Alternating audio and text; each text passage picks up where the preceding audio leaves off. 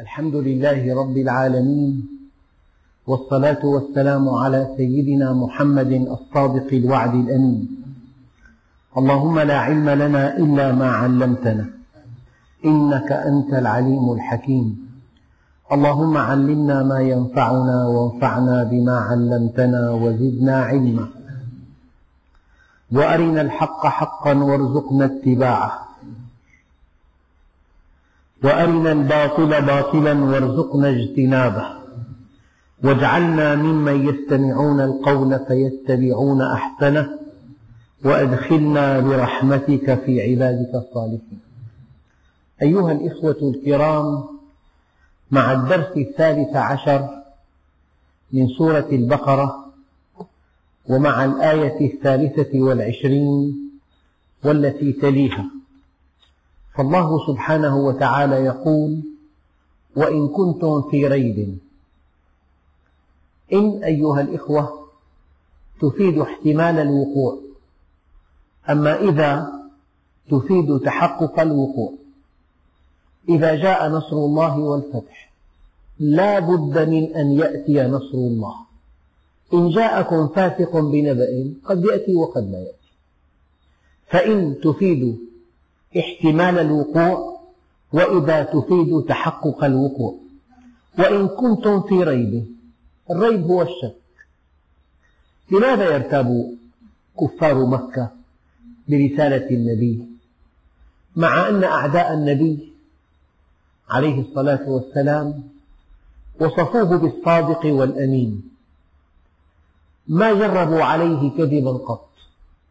أيعقل ألا يكذب على الناس ويكذب على الله. وكان المشركون يضعون عنده مالهم يثقون به إلى درجة أنه لما هاجر أبقى ابن عمه علي بن أبي طالب ليرد الأموال إلى أصحابه. فهو عندهم أمين وهو عندهم صادق. وكان اسمه في قريش الأمين. فلماذا يتهمونه بهذه الرسالة؟ ولم يتلقى علما قط. وما كنت تدري وما, وما تخطه بيمينك إذا لارتاب المبطلون. وما كنت تتلو من قبله من كتاب ولا تخطه بيمينك إذا لارتاب المبطلون. أتى بكلام معجز لا يستطيع أن يأتي بمثله فصحاء العرب. فمن أين جاءهم الريب؟ قال بعض العلماء هذا ريب نفسي وليس ريبا علميا. كانوا يتمنون أن يأتي أن ينزل هذا القرآن على رجل من القريتين عظيم. هم لهم مقاييس. مقاييسهم المال والجاه لكن مقاييس الله عز وجل غير مقاييس البشر. وهذا معنى دقيق يحتاجه اليوم. يعني لكل مجتمع فيه أشخاص أغنياء أشخاص أقوياء أشخاص وجهاء. هؤلاء بموازين المجتمع قمم. ولكن قد يكون عند الله ليسوا كذلك. رب أشعث أغبر ذي طمرين مدفوع بالأبواب لو أقسم على الله لأبره. يعني أنت قد تكون عبدا ذا دخل محدود. ليس لك شأن كبير. لا أحد يفتقدك إذا غبت. وإذا حضرت لا أحد ينتبه إليك. هؤلاء سماهم النبي الأتقياء الأخفياء. الأتقياء الأخفياء. إذا حضروا لم يعرفوا وإذا غابوا لم يفتقدوا. فأنت قد تكون عند الله بمنزلة عالية جدا. هم أرادوا هذه النبوة لرجل من القريتين عظيم عظيم. له مال عريض وشأن كبير ونسب عريق. ولكن الله سبحانه وتعالى يرفع من عباده من يشاء ويخفض من يشاء. فالبطولة أيها الإخوة أن تكون عند الله ذا مرتبة عالية. المراتب عند الله تنالها بالعلم والعمل فقط. هل يستوي الذين يعلمون والذين لا يعلمون؟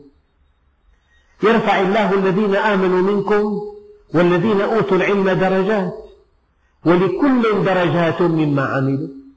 عند الله مقياسان فقط مقياس العلم ومقياس المعرفة. دقق يؤتي الحكمة من يشاء. دقق ومن يؤتى الحكمة فقد أوتي خيرا كثيرا. خير كثير. الله جل جلاله العظيم يصف هذا الخير بأنه كثير. ما الحكمة؟ بالتعريف الجامع المانع أن تعرف الحقيقة وأن تعمل وفقها. إن عرفتها ولم تعمل وفقها فلست حكيما. عالم. متعلم. مثقف. أما لا تكون حكيما إلا إذا تطابق السلوك مع ما تعرف من العلم. إذا تعلمت وانتفعت بما تعلمت. إذا عرفت وجاء السلوك اليومي موافقا لهذه المعرفة. إن عرفت الحقيقة الكبرى وجاء وجاءت الحركة اليومية موافقة لهذه الحقيقة فأنت حكيم. ومن يؤتى الحكمة بنص القرآن الكريم فقد أوتي خيرا كثيرا. طيب الدنيا واحد معه ألف مليون. عنده خمسمئة دنم. عنده بيوت لا يعلمها إلا الله. عنده أموال منقولة وغير منقولة. في عنده أرصدة بالبنوك الأجنبية بالمليارات. قال قل متاع الدنيا قليل. متاع وازن بين الآيتين. قل متاع الدنيا قليل. لأنه منقطع بالموت. يأتي الموت فلا يدع لك شيئا. إلا أمتار من أرخص أنواع الأقمشة. خام غير مقصور أسمر. هذا الكفن. لا تأخذ معك شيئا. لذلك الشيء المنقطع ليس كثيرا. ولو كان كثيرا منقطع. الآيتين. قل متاع الدنيا قليل. ومن يؤتى الحكمة فقد أوتي خيرا كثيرا. لأنك بالحكمة تنتفع بها إلى أبد الآبدين. ولكنك بالمال الكثير لا تنتفع منه إلا بالقليل. ما تأكل وما تشرب وما ترتدي من ثياب سرير تنام عليه بيت يؤويك. لذلك في مرة ملك جبار سأل وزيره من الملك فانخلع قلب الوزير. قال له أنت الملك. هل في الأرض ملك غيرك قال له لا. لا. الملك رجل لا نعرفه ولا يعرفه.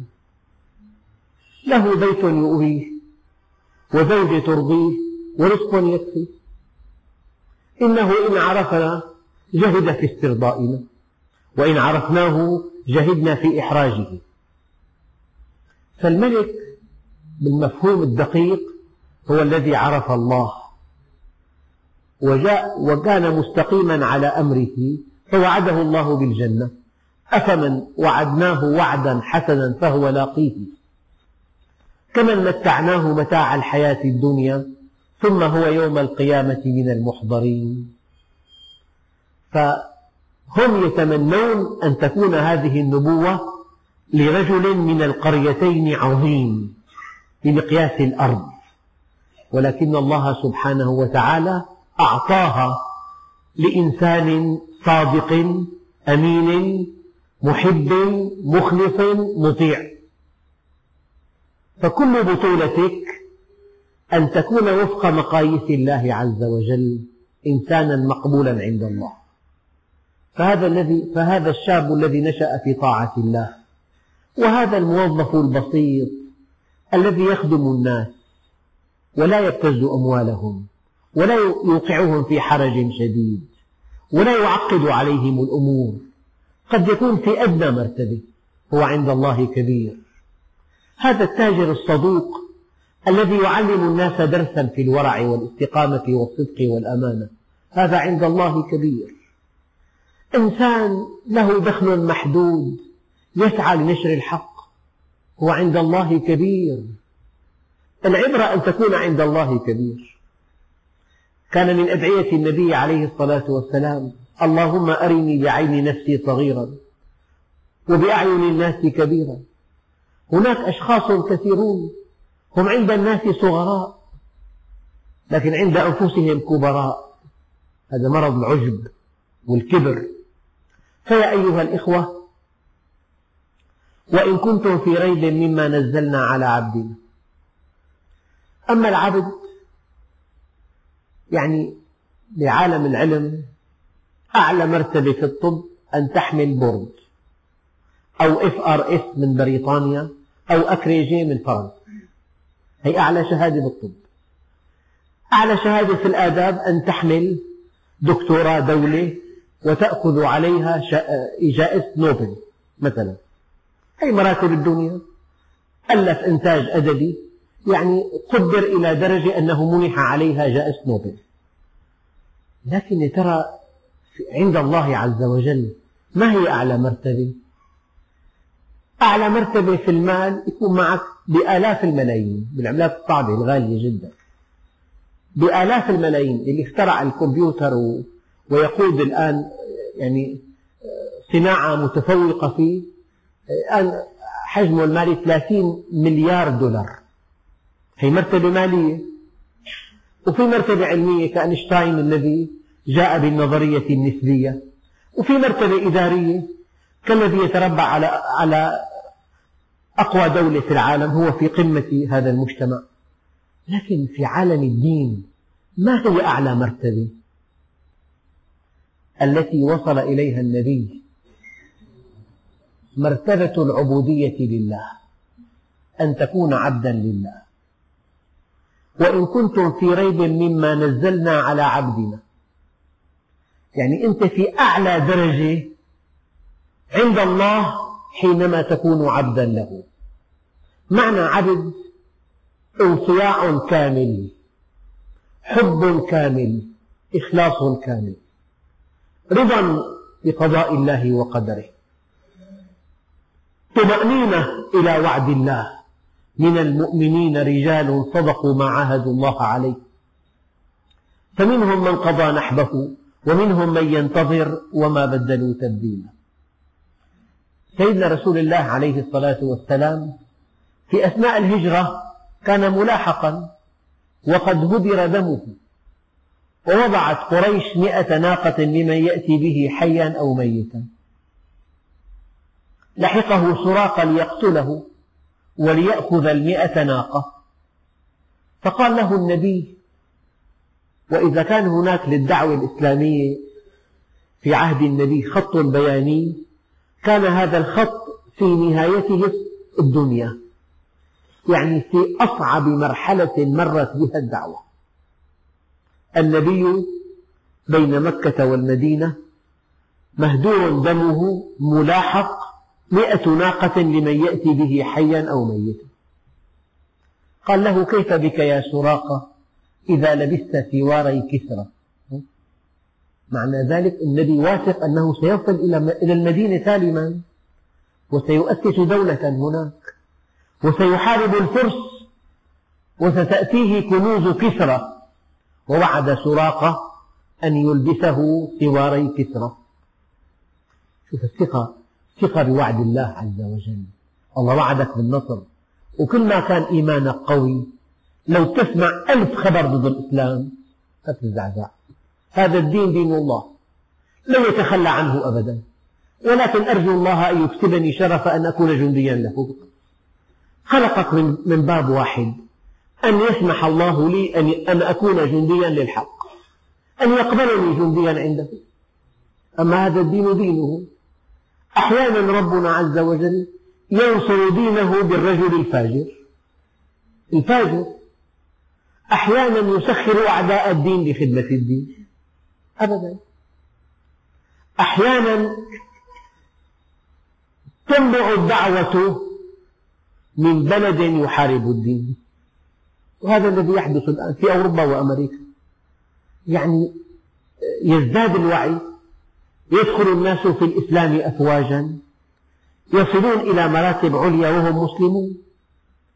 وهذا الذي يقلق الغرب في عقر دارنا أناس من جنسنا مثقفون على ثقافة يحتلون أعلى المناصب مسلمون الله عز وجل هذا دينه وهو ينصره دائما بطريقة أو بأخرى. ولكن اقلق ما إذا سمح الله لك أن تنصره أو لم يسمح. لأن الله عز وجل عزيز. وإن تتولوا يستبدل قوما غيركم ثم لا يكونوا أمثالكم. إذا هذه الأمة العربية التي شرفها الله بالرسالة وجعلها أمة وسطا بينه وبين خلقه إذا قصرت في مهمتها سخر الله أمة أخرى. نحن, نحن شرفنا ربنا بأن جعلنا جعل النبي محمدا صلى الله عليه وسلم وهو سيد الخلق وحبيب الحق من جنسنا. يعني إنسان يقف بالصلاة ولا يفهم شيئا. لغته ليست عربية ويبكي يسأل لماذا تصلي؟ أو تحضر هذه الصلاة الجهرية في المسجد وأنت لا تفهم شيئا. يقول ماذا يفهم الطفل الرضيع وهو على صدر أمه؟ يرضع من ثديها وتضمه بيديها إلى صدرها وتغمره بحنانها. ماذا يفهم من كلامها؟ لا يفهم شيئا لكنه في قمة السعادة. فهذا يصلي ولا يفهم ماذا يتلى في الصلاة ونحن لغتنا عربية. نستمع القرآن صباح مساء. نصلي خلف الإمام فنفهم قراءته. أيكون هذا الذي لا يتقن العربية أقرب إلى الله منا؟ يا أيها الإخوة القضية مصيرية والأمور واضحة جدا. في بالكون حقيقة واحدة. حقيقة واحدة هي الله.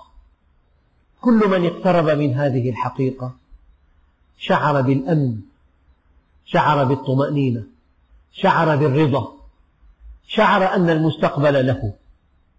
شعر أن الدنيا صغيرة جدا. لا تستأهل أن نهتم لها. إن هذه الدنيا عرض حاضر يأكل منه البر والفاجر والآخرة وعد صادق يحكم فيه ملك عادل. لو أن الدنيا تعدل عند الله جناح بعوضة ما سقى الكافر منها شربة ماء. قال لي واحد مساحة بيتي سبعمائة متر. قال لي كل ما تتمنى في هذا البيت. حدائق شرفات أبهاء أساس فخم جدا كل وسائل العصر في هذا البيت. قلت هذا النبي الكريم الذي هو سيد ولد آدم. سيد الخلق وحبيب الحق. كان إذا أراد أن يصلي قيام الليل لا تتسع غرفته لصلاته ونوم زوجته. فكانت تنحاز تنزاح جانبا كي يصلي. معناها مساحة البيت ليست مقياس للإنسان. والدخل ليس مقياسا. أحد الصحابة كان ابن رجل غني. فلما أعلن إسلامه قاطعه أبوه وطرده ولم يعطه من مال الدنيا شيئا. كان من آنق شباب قريش سيدنا مصعب بن عمير. كان من أكثرهم غنى كان شابا عطرا. فلما أسلم ذاق ألوان الجوع وألوان العري. فلما مات رآه النبي كفن بثوب. إذا وضع على رأسه انكشفت قدماه. إذا جر إلى قدميه انكشف رأسه فبكى النبي عليه الصلاة والسلام. هذه الدنيا ما لها قيمة. قد تكون هيك أمين مستودع. قد تكون ضارب آلة كاسة قد تكون بمنصب جدا صغير. وأنت, وأنت عند الله كبير عند الله مقياس واحد. الذي عرفه وأطاعه. معرفة وطاعة ألا إن أولياء الله لا خوف عليهم ولا هم يحزنون.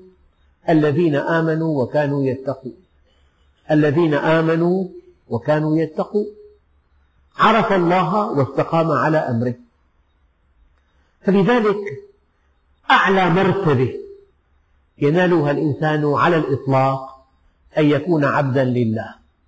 فأوحى إلى عبده ما أوحى. أين هذا الكلام؟ في سدرة المنتهى. في المرتبة التي لم يصل إليها إلا محمد صلى الله عليه وسلم. لقد رأى من آيات ربه الكبرى فأوحى إلى عبده ما أوحى. سبحان الذي أسرى بعبده. وإن كنتم في ريب مما نزلنا على عبدنا. إذا حينما تعبد الله ترتقي إلى أرقى مرتبة في الكون. أن تكون عبد الله. لكن هؤلاء الناس هم عبيد لله قولا واحدا. عبيد لله جميعا. كافرهم ومؤمنهم. معنى العبودية أن تكون مفتقرا إلى إمداد الله. كم منا يقول أنا لست عبدا أغلق أنفك. إذا كنت مالك عبد أغلق أنفك. تقدر أنت مفتقر إلى هذا النفس. فإذا منع عنك الهواء ثلاث دقائق تموت. لست عبدا دع الماء. أيام معدودة يوم أو يومين. يموت الإنسان. لست عبدا دع الطعام. وجودك مفتقر إلى ما حولك. إلى هواء إلى ماء إلى طعام إلى زوجة. إلى مأوى إلى رزق إلى مال تأكل به المال. الطعام. إذا أنت عبد. هذا العبد المقهور ليس هو المقصود. هذا عبد القهر. جمعه عبيد. عبد القهر جمعه عبيد. وما ربك بظلام للعبيد. لكن عبد الشكر جمعه عباد. وعباد الرحمن الذين يمشون على الأرض هونا. قل يا عبادي العباد هم الذين عرفوا الله. واختاروا طاعته وآثروا قربه وعملوا لبلوغ جنته. ففرق بين العبيد والعباد. لذلك النبي عليه الصلاة والسلام عبد عبد لله لكنه عبد أتاه بمحض إرادته. هو عبد الشكر لا عبد القهر. الموحد عبد لله بدليل أن وجوده مفتقر للهواء والشراب والطعام.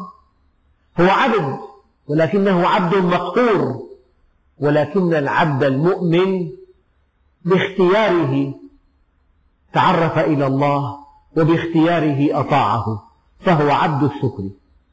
إذا وإن كنتم في ريب مما نزلنا على عبدنا فأتوا بسورة من مثله وادعوا شهداءكم من دون الله إن كنتم صادقين.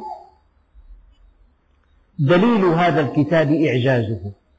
يعني نظم القرآن صياغة القرآن لغة القرآن حروف القرآن أخبار القرآن الحقائق العلمية في القرآن المنهج التربوي في القرآن أصول العلوم في القرآن هذه يعجز عنها كل البشر.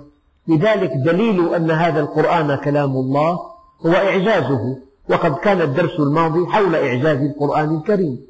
في إعجاز علمي في إعجاز بلاغي في إعجاز إخباري في إعجاز وصفي في إعجاز بلاغي.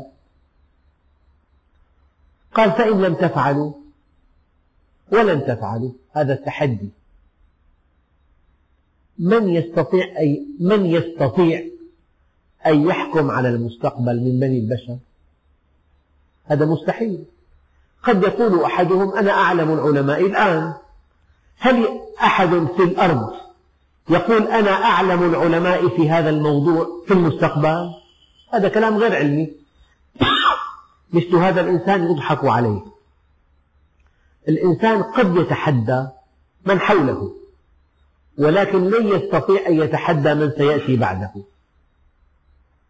لكن الله وحده وحده لأنه عليم بكل شيء لأنه علم ما كان وعلم ما يكون وعلم ما سيكون وعلم ما لم يكن لو كان كيف كان يكون. لأن الله وحده يعلم السر وأخفى. يقول فإن لم تفعلوا ولن تفعلوا لن تستطيعوا. فإن لم تفعلوا ولن تفعلوا في المستقبل. معنى ذلك أن هذا القرآن مضى على نزوله أكثر من ألف وأربعمائة عام. والعلم تقدم تقدم يفوق حد الخيال. هل في كل علوم الأرض حقيقة مقطوع بها تصادم آية قرآنية؟ أبدا. لأنه كلام الله. لكن المسلمين أحيانا يقعون في منزلق مضحك. يقول لك الحمد لله القرآن يوافق العلم. هذا كلام مضحك.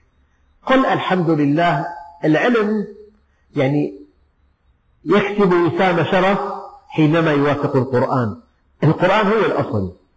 لا تمدحي القرآن بأنه وافق العلم. يجب أن تمدح العلم لأنه وافق القرآن. هذا كلام خالق الأكوان. هذا الكلام الذي لا ريب فيه. يعني في عبارة أقولها لكم كثيرا. فضل كلام الله على كلام خلقه كفضل الله على خلقه. كم هي المسافة بين خالق الأكوان وبين هذا الإنسان الضعيف؟ فضل كلام الله على كلام خلقه كفضل الله على خلقه. لذلك الله عز وجل تحدى البشرية كلها بهذا القرآن. مع ذلك أنني لم أدخل في موضوع الإعجاز الآخر الرياضي. في بحوث ودراسات والله مذهلة. ملخصها أنك إذا بدلت حرفا واحدا في كتاب الله بحسابات دقيقة جدا يختل ميزان القرآن الكريم. يعني حروفه حرف حرف. محسوبة بشكل لو بدلت حرفا واحدا أو حذفت حرفا واحدا أو أضفت حرفا واحدا اختل ميزان القرآن كله. ولكن لا مجال للخوض في موضوع الإعجاز الحسابي والرياضي مع أن هناك دخلوا في هذا الموضوع ولم يكونوا مخلصين فيه فزلت أقدامهم. على كل أنواع الإعجاز في القرآن الكريم لا تعد ولا تحصى. فإن لم تفعلوا ولن تفعلوا فاتقوا النار التي وقودها الناس والحجارة. يعني مثلا معقول إنسان عالم من, من كبار علماء البحار بعد جهد جهيد وبعد عمر مديد يكتشف حقيقة يظن أنه ما سبقه إليها أحد وهي أن بين البحرين حاجزا. فإذا هي آية كريمة في القرآن الكريم قبل ألف وأربعمائة عام. مرج البحرين يلتقيان بينهما برزخ لا يبغيان. في أخ كريم طبيب عظمية درس في بريطانيا. في عنده أستاذ أستاذ علم الأجنة. قال هذا يعد من أكابر علماء عصره. وله كتاب من كثرة تداوله وشهرته يسميه الطلاب إنجيل علم الأجنة يعني صار كتاب مقدس عندهم كتاب دقيق جدا يدرس في كل الجامعات تقريبا. هو أستاذ هذه المادة ومتفوق إلى أعلى درجة. قال دخل مرة على طلابه قال مع أنني ذكرت لكم سابقا في كتابي بشكل لا يدع للشك مجالا أن العظام تتكون بعد اللحم. ثم علمت بشكل لا يدع للشك مجالا أن القضية بالعكس. العظم أولا واللحم ثانيا. يعني فات على القاعة في أعلى مرتبة في الجامعة وكأنه أحدث شيئا وكأنه سيلقي قنبلة علمية. أنه اكتشفت مؤخرا أن العظام تتكون أولا واللحم ثانيا مع أنه خلال عشرين سنة أو ثلاثين سنة يؤكد أن اللحم أولا ثم العظام ثانيا. قام طالب باكستاني قال له يا أستاذ هذه الحقيقة جاءت في كتابنا قبل ألف وأربعمائة عام. قال لي كاد يصعق كاد يصعق. هذا اختراعي هذا كشفي. جاء بالقرآن الكريم مع ترجمته إلى اللغة الإنجليزية في اليوم التالي. فكسونا العظام لحمة. يقال أنه أسلم. مو معقول لأنه كتاب ما في حقيقة. اكتشفت يمكن أن تصادم آية في كتاب الله. فإن لم تفعلوا ولن تفعلوا. بل إن هناك إشارات في القرآن الكريم. إشارات. هي فيها أصول العلوم. الذرة كل في فلك يسبحون. تشكل الجنين. وأنه خلق الزوجين الذكر والأنثى من نطفة إذا تمنى. حركة الجبال وترى الجبال تحسبها جامدة وهي تمر مر السحاب. صنع الله الذي أتقن كل شيء. شيء لا يصدق. قال فإن لم تفعلوا ولن تفعلوا فاتقوا النار التي وقودها الناس والحجارة أعدت للكافرين. أيها الإخوة الكرام القرآن متوازن أحيانا خطيب يتحدث عن جهنم يملأ الناس رعبا منها أو يتحدث عن الجنة لكن الأكمل أن تتحدث عنهما معا. معا. لماذا؟ لأن الإنسان يخاف ومع الخوف ينبغي أن يتفاءل. قال يا رب أي عبادك أحب إليك حتى أحبه بحبك؟ قال أحب عبادي إلي تقي القلب نقي اليدين لا يمشي إلى أحد بسوء أحبني وأحب من أحبني وحببني إلى خلقي. قال يا رب إنك تعلم أني أحبك وأحب من يحبك فكيف أحببك إلى خلقك قال ذكرهم بآلائي ونعمائي وبلائي. ذكر ذكرهم بآلائي كي يعظموني. ذكرهم بنعمائي كي يحبوني. ذكرهم ببلائي كي يخافوني.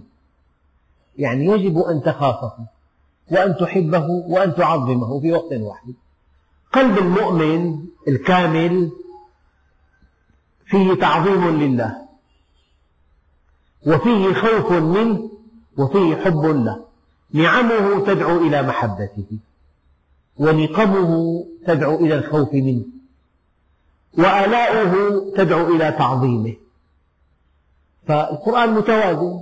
بعد أن حذرنا من التكذيب بهذا القرآن فإن لم تفعلوا ولن تفعلوا فاتقوا النار التي وقودها الناس والحجارة. أعدت للكافرين وبشر الذين آمنوا وعملوا الصالحات. خالق الكون يبشرهم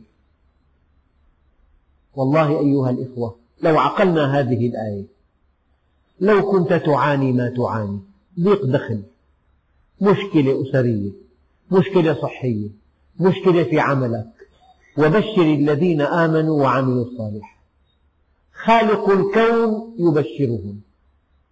أن لهم جنات تجري من تحتها الأنهار.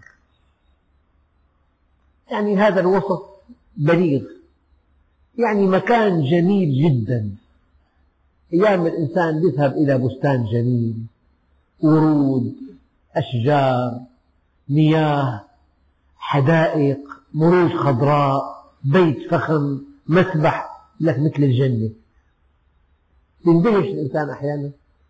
الجنة على طول هي سيران ربع ساعة ساعة ساعتين نهار أما الجنة على طول وبشر الذين آمنوا وعملوا الصالحات أن لهم جنات. ليست جنة واحدة جنات. تجري من تحتها الأنهار. كلما رزقوا منها من ثمرة رزقا قالوا هذا الذي رزقنا من قبل. الآية لها عدة معاني. من أوجه معانيها كل الذي تأخذه في الجنة بسبب استقامتك في الدنيا. إذا الإنسان درس دراسة طويلة جدا ومتعبة جدا ونال أعلى شهادة. الآن جلس ليستريح. الآن دخل كبير مكانة اجتماعية. يعني راحة كبيرة جدا. ماذا يقول زميله الكسول إمتى صار؟ وقت أنت كنت عم تلعب بالطاقة وين كان هو؟ وقد درس 33 سنة ما رفع رأسه يوم. وآثر الدراسة على كل حظوظه من الدنيا. الآن صار بمرتبة عالية. فلذلك الإنسان هذا الذي ترزقه في الآخرة بسبب استقامتك في الدنيا. هلا أهل الدنيا بتدعونا درس علم؟ لك مالي فاضي. لك ليش فاضي؟ مالي فاضي. عندي ازدحام مع أهل مواعيد. يتنفل من كل طلب لمعرفة الله عز وجل. أما الذي يجلس على ركبتيه ليطلب العلم وليعمل بالعلم هذا له عند الله مقام كبير. والله عز وجل في الدنيا في مكافآت. قال هم في مساجدهم والله في حوائجهم. يعني ألا أما ترضى أيها المؤمن أن الله يتولى أمرك؟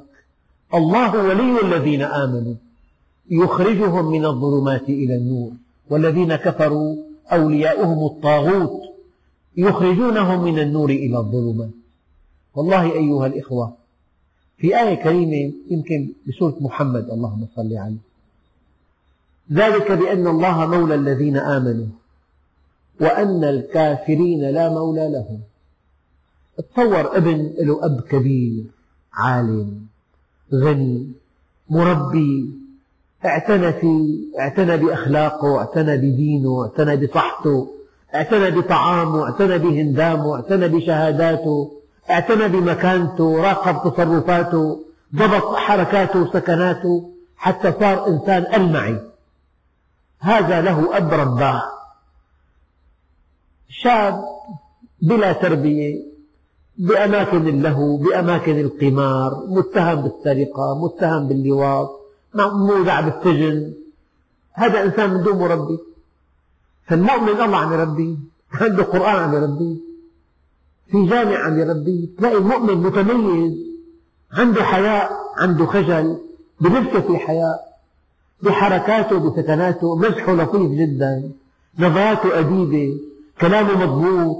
في عنده خوف من الله عنده وفاء بالوعد عنده رحمة بقلبه عنده أنصاف.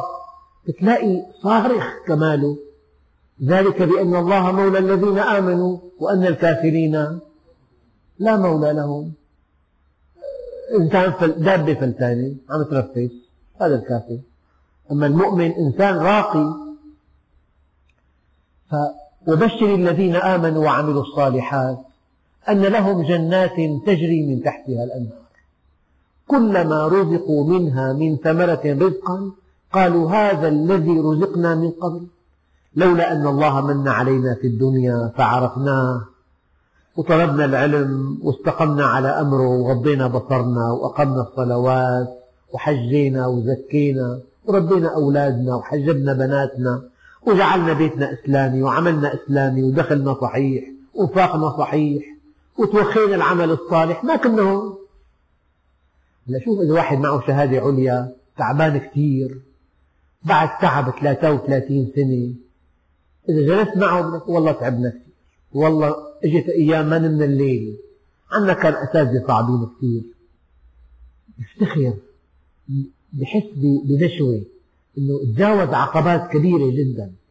فأهل الجنة للجنة قال كلما رزقوا فيها من ثمرة رزقا قالوا هذا الذي رزقنا من قبل.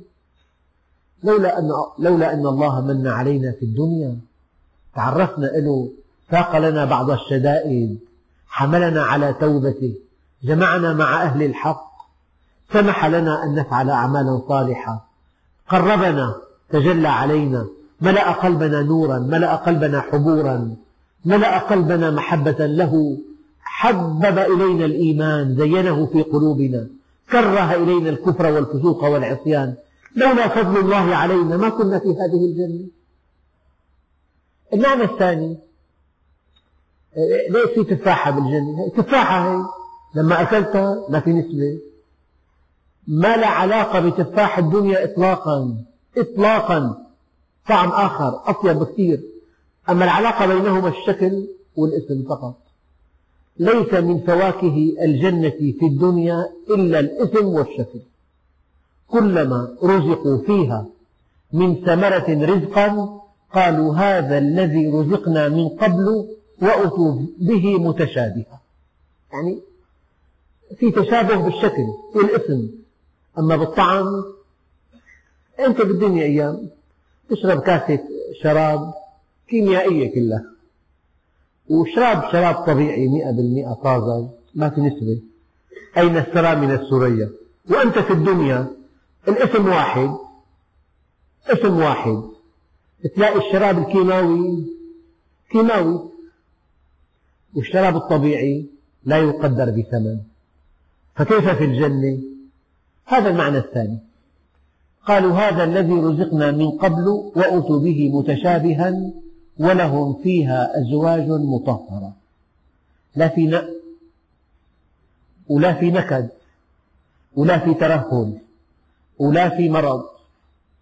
يعني في مليون مشكلة مع النساء مليون مشكلة. ولا في حيض ولا في نفاس ولا في شيء. ولا في طبع صعب ولا في زوجة حاقدة ولا في زوجة لئيمة أبدا. زوجة كاملة. ولهم فيها أزواج مطهرة. وهم فيها خالدون. هذه الجنة وطريقة واضح. وهي بعد الموت. فالذي يزهد في الجنة ويعيش للدنيا فقط إنسان أحمق. وبشر الذين آمنوا وعملوا الصالحات أن لهم جنات تجري من تحتها الأنهار. كلما رزقوا منها من ثمرة رزقا. قالوا هذا الذي رزقنا من قبل وأتوا به متشابها ولهم فيها أزواج مطهرة وهم فيها خالدون. هذا الواحد تكبر زوجته نقاها من درجة أولى بعد بالخمسينات كبرت اختلفت. بتلاقي أكثر النساء معهم خمسين ستين علة. يعني في مشكلات في الحياة. الله عز وجل شاءت حكمته أن تكون الحياة متعبة لأننا خلقنا للجنة. فإذا كانت الحياة مريحة جدا كرهنا لقاء الله عز وجل. إذا كانت الحياة مريحة جدا كل شيء كامل فيها. هؤلاء الذين رضوا بالحياة الدنيا واطمأنوا لها والذين هم عن آياتنا غافلون. لذلك الدنيا العريضة خطر كبير جدا.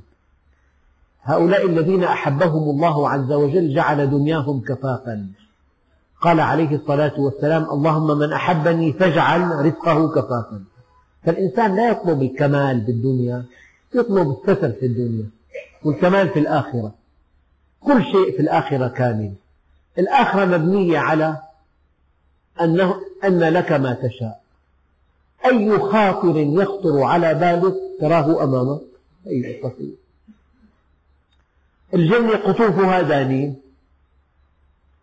يعني أكلها دائم وظلها. فواكهها لا مقطوعة ولا ممنوعة. أنهار من عسل من لبن من من عسل مصفى. من لبن لم يتغير طعمه مو محمض اللبن.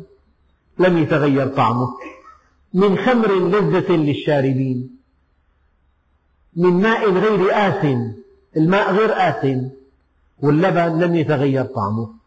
والعسل مصفى والخمر لذة للشاربين وحور عين كأمثال اللؤلؤ المكنون فهذه الجنة الله عز وجل وصفها بالقرآن الكريم. هي للمؤمنين والطريق لها سالك وغير صعب غير تع... شروطها غير تعجيزية. أيام بيكون في شيء عظيم بس شرطه تعجيزي فوق طاقتك تزهد به. لا يكفي أن تعرف الله. وأن تطيعه وأن تؤدي واجباتك تجاهه فأنت من أهل الجنة. الدرس القادم إن شاء الله إن الله لا يستحيي أن يضرب مثلا ما بعوضة فما فوقها. والحمد لله رب العالمين.